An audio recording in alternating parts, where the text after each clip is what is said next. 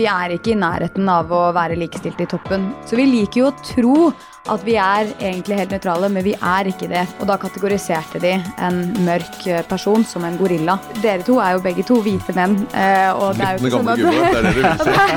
Her er Stavrum og Eikeland, en podkast fra Nettavisen.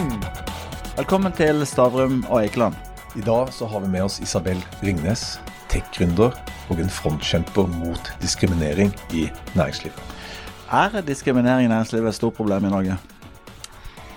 Eh, nei, det er ikke det største problemet her i Norge. Men det er definitivt til stede, eh, også i Norge. Og det syns jo gjerne vi i Norge er litt problematisk, for vi liker å se på oss selv som veldig veldig likestilte. Og det er vi jo eh, i forhold til veldig mange andre land, men vi er ikke i mål her heller. Så vi har fremdeles en del utfordringer å jobbe med. Og det som vi har jobbet med siden oppstart av Hun spanderer i 2015, har jo vært det å belyse ubevisst diskriminering og kjønnsstereotypier. Eh, Som er med å farge eh, arbeidslivet og hvilke muligheter som man blir møtt med. Litt avhengig av ikke bare kjønn, men også alder eh, og etnisitet. Religion, legning osv. Så, videre. så det er vi gjør det ikke Det er ikke så aller verst her, men det er, vi er definitivt ikke perfekte. Men hva er diskriminering? Det er at du behandler mennesker ulikt, rett og slett. eh, I situasjoner hvor du ikke burde det, på en måte, hvor mennesker burde ha like muligheter. Eh, Og diskriminering er jo ulovlig på arbeidsplassen i Norge. Det som er veldig vanskelig, er jo dette med ubevisst diskriminering, altså diskriminering som du ikke helt klarer å sette fingeren på, eh, og som er veldig lett å bagatellisere og rasjonalisere og latterliggjøre. eh, Men som vi tror er en av de underliggende årsakene til at eh, man ikke er i mål. For det er jo den typen diskriminering som at man ikke får en mulighet eller blir innkalt til et intervju eh, uten at man helt kan si hvorfor man ikke ble det. Men uh, man kanskje har en følelse av at uh, det har vært noen av dine egne identitetsmarkører som har gjort at du har hatt en dårligere sjanse enn andre.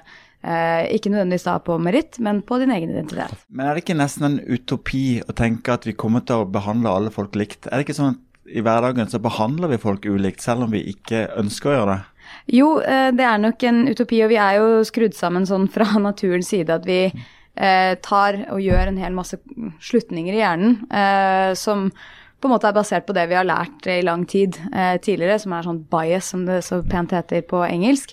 Eh, men det er jo noe med at hvis man lever en virkelighet som er annerledes, så vil også kulturen endre seg. Så jo mer man på en måte lever i et likestilt land, jo mindre av de kjønnsstereotypiene som man har fra tidligere, hvor man var mindre likestilt, lever videre.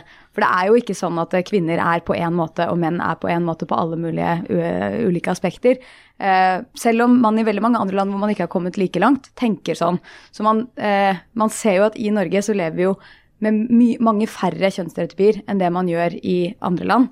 Eh, men vi er ikke perfekte her heller. Så det er nok eh, Vi kommer nok aldri til å bo i et samfunn hvor det ikke er en eneste stereotypi. Eh, men at vi kan bli mye bedre, og at vi kan forandre systemene og strukturene sånn at de ikke kommer i veien for at folk da ikke har like muligheter, det klarer vi å bli mye bedre på. Ja, for det, altså, Du kommer uansett hva, hvordan du vil ha det. Du kommer fra vestkanten, du kommer fra Kristiansand. Altså, det, er det er jo bare sånn det er. Ja, altså, vi er og, jo det forskjellige. og det finnes masse Ja. stereotypier Ja. eh, knyttet til det, men det betyr ikke at man passer den stereotypien. Eh, du, dere to er jo begge to hvite menn, eh, og det er jo ikke sånn at gubber, det er det og det er jo mange stereotypier forbundet med det, som dere ikke nødvendigvis eh, har, da. Eh, eller føler at dere identifiserer med. Eh, og jeg tror det er ganske viktig at vi som mennesker, hvis vi skal skape et samfunn som faktisk liksom blir kjent med ulike mennesker, og at vi faktisk får til dette med inkludering, at vi klarer å se forbi stereotypien som møter øyet, og blir ordentlig kjent med individet som eh, står overfor en. Men har du blitt diskriminert? Eh, jeg jeg syns det er litt forskjell på dette med diskriminert og ubevisst diskriminering. Fordi eh, jeg kan ikke jeg kan ikke huske at jeg har blitt diskriminert sånn rett ut. fordi det, altså, Særlig i arbeidslivet så er jo det ulovlig, så det, det bør ikke skje. Uh, og det har ikke skjedd meg. Um, men jeg har definitivt opplevd mange sleivete kommentarer som uh, kan avsløre at uh, den som har li- lirt de av seg, nok er farget av en del fordommer og stereotypier. For eksempel hva da? For eksempel så husker jeg at jeg var på NHOs årsmiddag og skulle holde tale. Um, hadde øvd i mange uker sammen med Sunniva Rose. Og kom av den scenen, var, vel- var egentlig veldig fornøyd med det jeg hadde levert. Uh, men fikk jo da høre fra en del av disse de svært uh, mektige menn uh, at liksom det fineste eller det beste var at man var søt å se på, eller at kjolen var fin, eller altså sånn Ting som ikke hadde noen ting med innholdet eller leveransen å gjøre. som helt sikkert kanskje er ment som et kompliment, men som blir litt herskete fordi man tenker at eh, ok, greit, så man har brukt all den tiden, man har tatt frem alt det motet på å prøve å levere et budskap som man brenner for, og så er det man blir sett for, eh, det man hadde på seg. Eh, la oss gå tilbake igjen til, til eh, behovet for på en måte mangfold i næringslivet. Det finnes to hovedargumenter på hvorfor vi bør øke andelen kvinner i ledende stillinger. Det ene er at det på en måte er en pool av ressurser, og det er dumt å ikke bruke den ene halvparten. Det andre er at kvinner tar med seg nye verdier inn i styrerommet. Er, er du tilhenger av begge argumentene, eller hva, hvilket argument syns du er tyngst? Nei, du, jeg syns begge to er helt strålende argumenter. Jeg tror ikke det er sånn at, jeg tror det er litt farlig å generalisere alle kvinner og alle menn på en måte. At det er sånn kvinner skal komme inn med helt andre verdier enn det menn har. Eh, sånn er det jo ikke, fordi vi er jo individer. Men jo større talentpool du åpner generelt, eh, og jo flere du på en måte plukker fra, jo større mangfold av verdier vil du ha, og du vil da også kunne, eller naturlig vil de beste verdiene på en måte vinne frem og være bedre representert. Eh, egentlig uavhengig. Eh, så jeg tror at dette med mangfold, eh, og det viser jo utallige rapporter også, eh, det er veldig bra fordi man både, som du påpeker, utvider talentpoolen, så man rekrutterer fra hele og ikke halve befolkningen. Eh, I tillegg så er jo mangfoldige bedrifter de har en tendens til å identifisere og utvikle et mangfold av ulike talenter, ikke bare de som passer med da stereotypien, tilbake til det, eh, leder. Og kanskje eh, aller viktigst og mest åpenbart at de som produserer og de som setter strategi for den som de produserer for, faktisk reflekterer behovene og perspektivene til den kundegruppen som de produserer for. For det er jo masse tilfeller med ulike bransjer hvor det stort sett sitter menn i toppen som bestemmer da hva eh, veldig kvinnedominerte sektorer på en måte skal eh, ha. Og det vil jo si seg selv at det er eh, kanskje nyttig å ha noen kvinnelige perspektiver når man skaper for kvinner. Ja, men, men du sa jo i starten at i Norge så har vi vært relativt flinke. Og det er kanskje rett på noe, men jeg syns det er litt snill også. For hvis du ser på en god del bransjer, ta eh, næringslivet, altså finansbransjen, advokatbransjen. Det er jo nesten ikke damer. Uh, altså, Det er damer, men de er, lenger få. nede. Ja, jo, jo, jo, men det De er bare ikke toppen. Ja, det er pa- partnere, ja, exactly. Ikke sant? Og Mm. minoritetsbakgrunn, det, er nesten ingen. Altså, er vi, er jo ikke noe flinke. Uh, nei, fem av hundre 100 uh, toppledere har ikke vestlig bakgrunn. Eh, 14% av topplederne i Norge er kvinner. Eh, 11% av styreledere er kvinner. Eh, vi er ikke i nærheten av å være likestilte i toppen. Og, men det man ser, eh, og det er jo derfor dette er litt provoserende, egentlig, fordi man er ganske, eller det er ganske god kjønnsbalanse i de nedre rekkene, eller de nedre nivåene. Og det er ofte kvinnedominert på studiene, som fører til ja, f.eks. i bransjene som du nevnte, sånn som juss og finans. Eh, men eh, på toppen så er det gutta som regjerer, og det er mange ulike grunner til det. Eh, mange er jo systematiske, eh, og så er det jo en del av det som vi allerede har vært inne på, med da kjønnsstereotypier og hvordan man tilrettelegger på arbeidsplassen, som fører til de ubalan den ubalansen som man ser. Også er sannsynligvis en del kulturbetinget.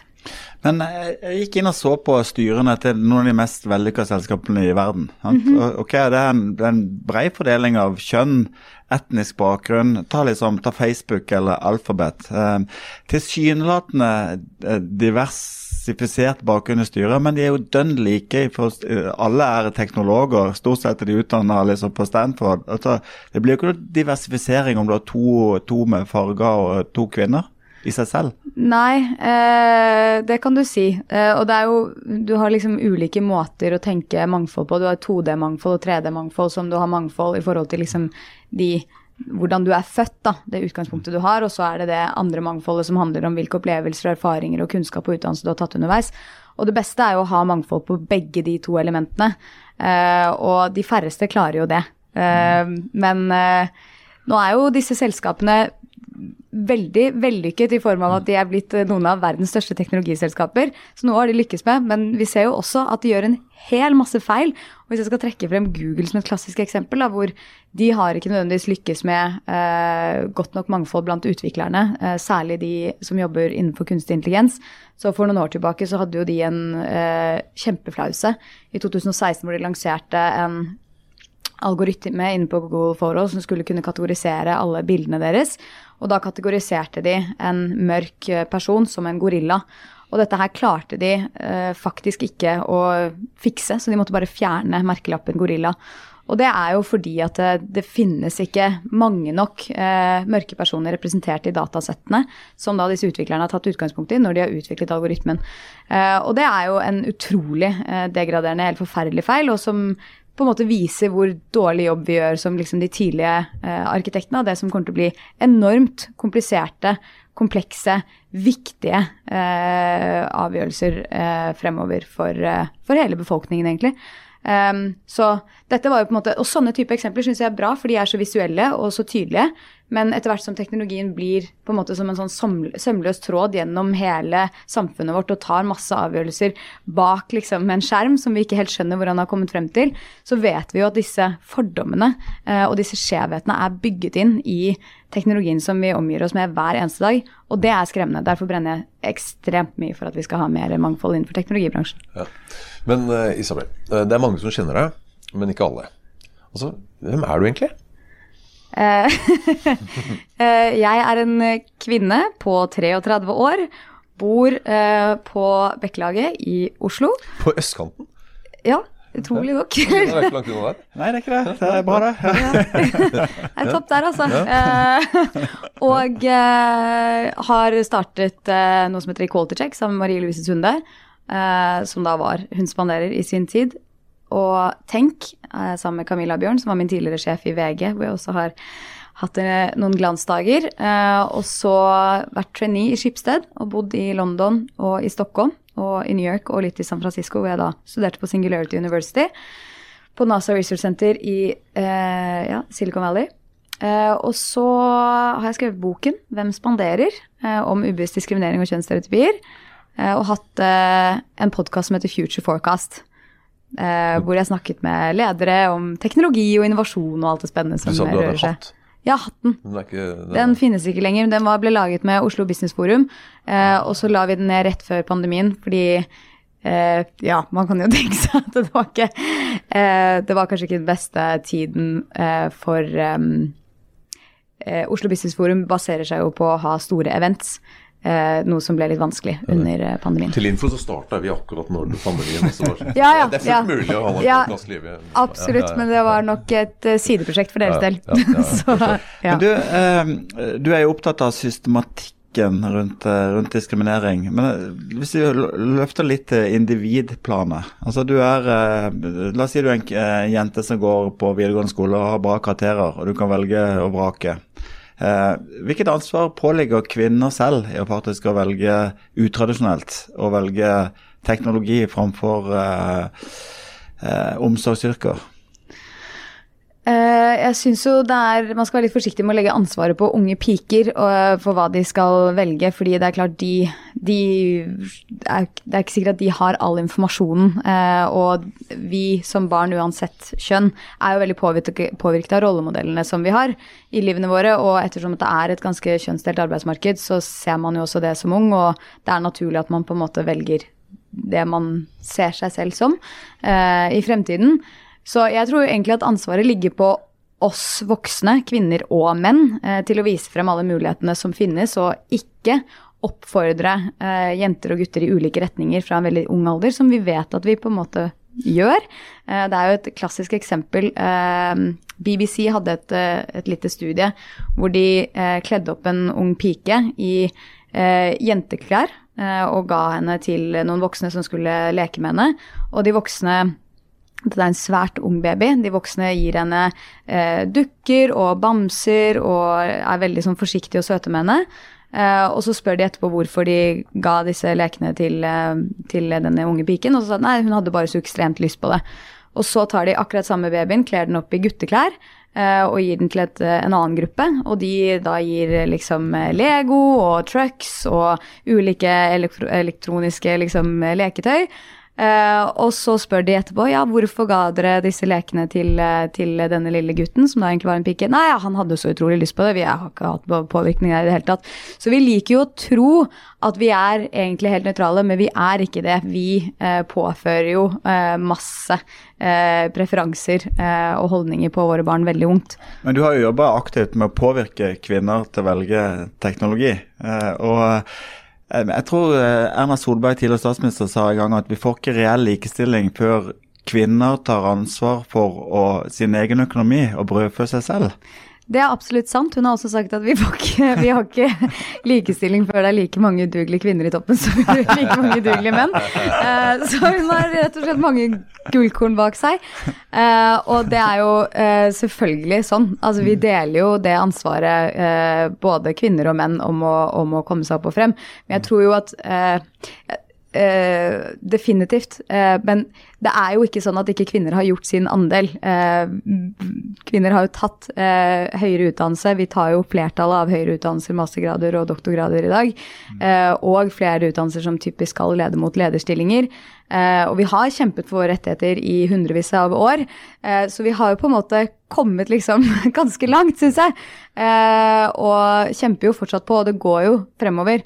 Men for at vi skal liksom komme helt til sluttsporten, så må alle eh, fortsette med den gode innsatsen. Da. Men akkurat det du sier der om utdannelse. altså Man sa tidlig at cash is king, men altså, det er jo egentlig utdannelse som er queen, holdt jeg på å si. Altså, ja, absolutt. Ja. Og kontinuerlig utdannelse. Ja. For det er jo ikke sånn at den utdannelsen du har i dag, hvis du er ferdig med den, den, den holder jo ikke i hele livet ditt. Du må kontinuerlig lære. Vi, vi, vi går livets Nei, du går jo faktisk på utdannelse. Du er jo faktisk Ikke sant, der har vi ikke jeg, jeg går livets skole, som det så vidt heter nå. Ja, uh, ja, nei. Men, men, men vi kan bare snakke om tid før dere rett og slett tar over uh, herredømmet. Altså for det vi trenger å utdanne folk, og det er da kvinner ja, som kommer. Ifølge rapporter så er det 257 år til vi oppnår global økonomisk likestilling, så jeg tror ikke det er noe sånn Ja, Men i Norge? Ja, det er fortsatt en del år der òg, så jeg tror ikke Og så er ikke det noe mål i seg selv. Eh, det er jo ikke sånn at eh, kvinner skal ta over på noen som helst måte. Det handler jo bare om å ha like muligheter. Det er ikke radikalt. Nei. Men eh, vi snakker jo mye om kjønnsdimensjonen, men eh, vi kan jo også snakke mm. om andre dimensjoner. Eh, Som er minst like viktig. Ja, og, og jeg tenker ikke egentlig bare på innvandring, men jeg tenker på folk som kommer fra Distrikts-Norge. Folk som på en måte vanlige folk sin representativ... Altså det er store ressurspooler som aldri kommer i snakk når det gjelder lederstillinger.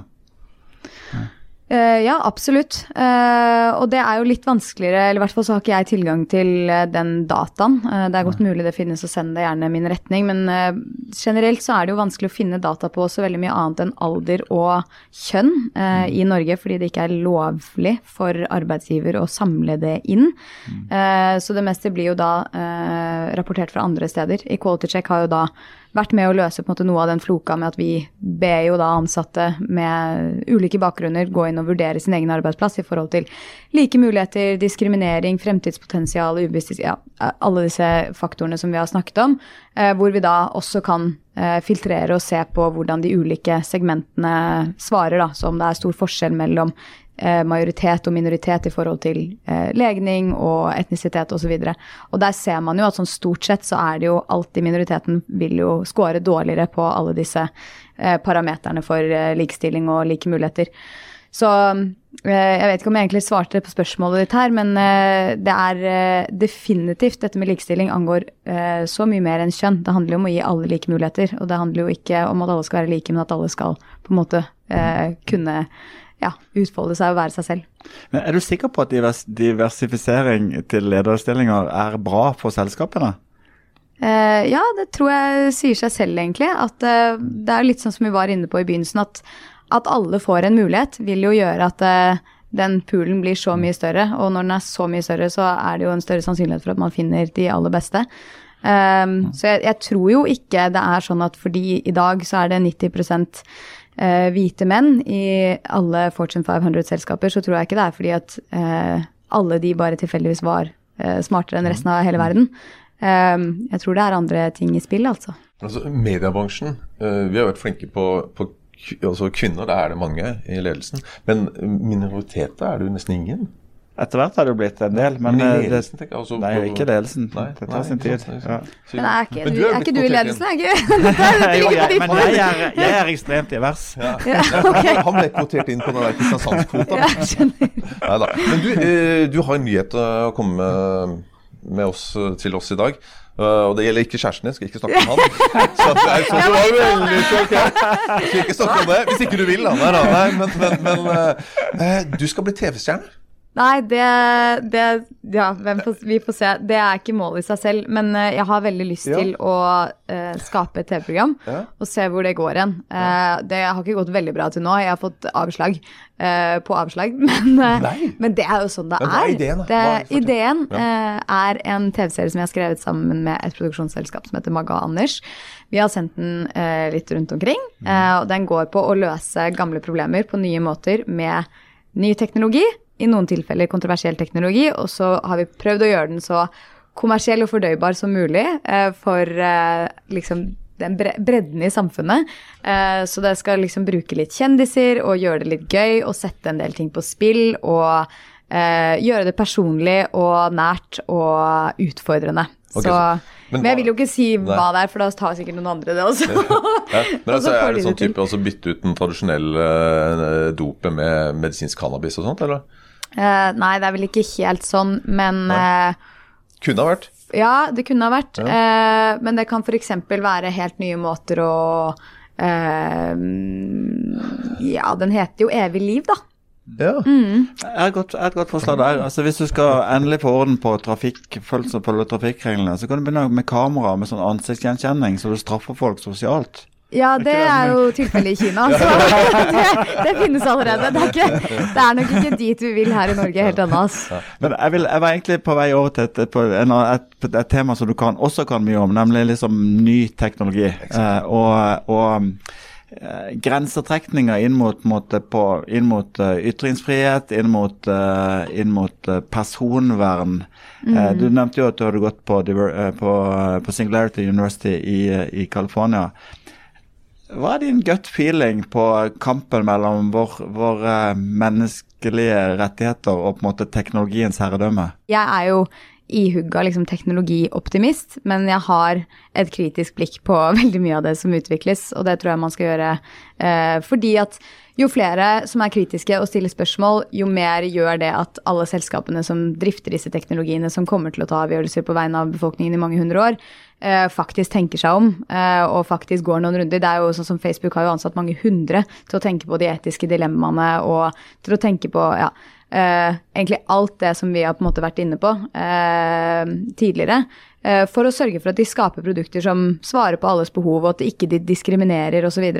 Uten at de har klart å lykkes 100% med det. Så det vil jo på en måte være en konstant battle. Menneske Ikke nødvendigvis menneske mot eh, maskin, men menneske med maskin. Hvordan er det vi skal få teknologien til å jobbe for mennesker, med mennesker? eh, og hvordan skal vi sørge for at vi vet egentlig hva det betyr? Eh, og i det så kommer man tilbake til at det er så viktig å ha mangfold, fordi vi må jo Det er jo ikke sånn at en gruppe på la oss si 60 privilegerte hvite menn i Silicon Valley skal bestemme eh, hva det vil si, eller hva er den riktige mengden ytringsfrihet som man skal ha på en plattform, eller eh, hva slags type valg skal selvkjørende biler ta i fremtiden, eh, eller eh, hvem er det som skal få tilgang til eh, alle disse nye livreddende bioteknologiene som kommer.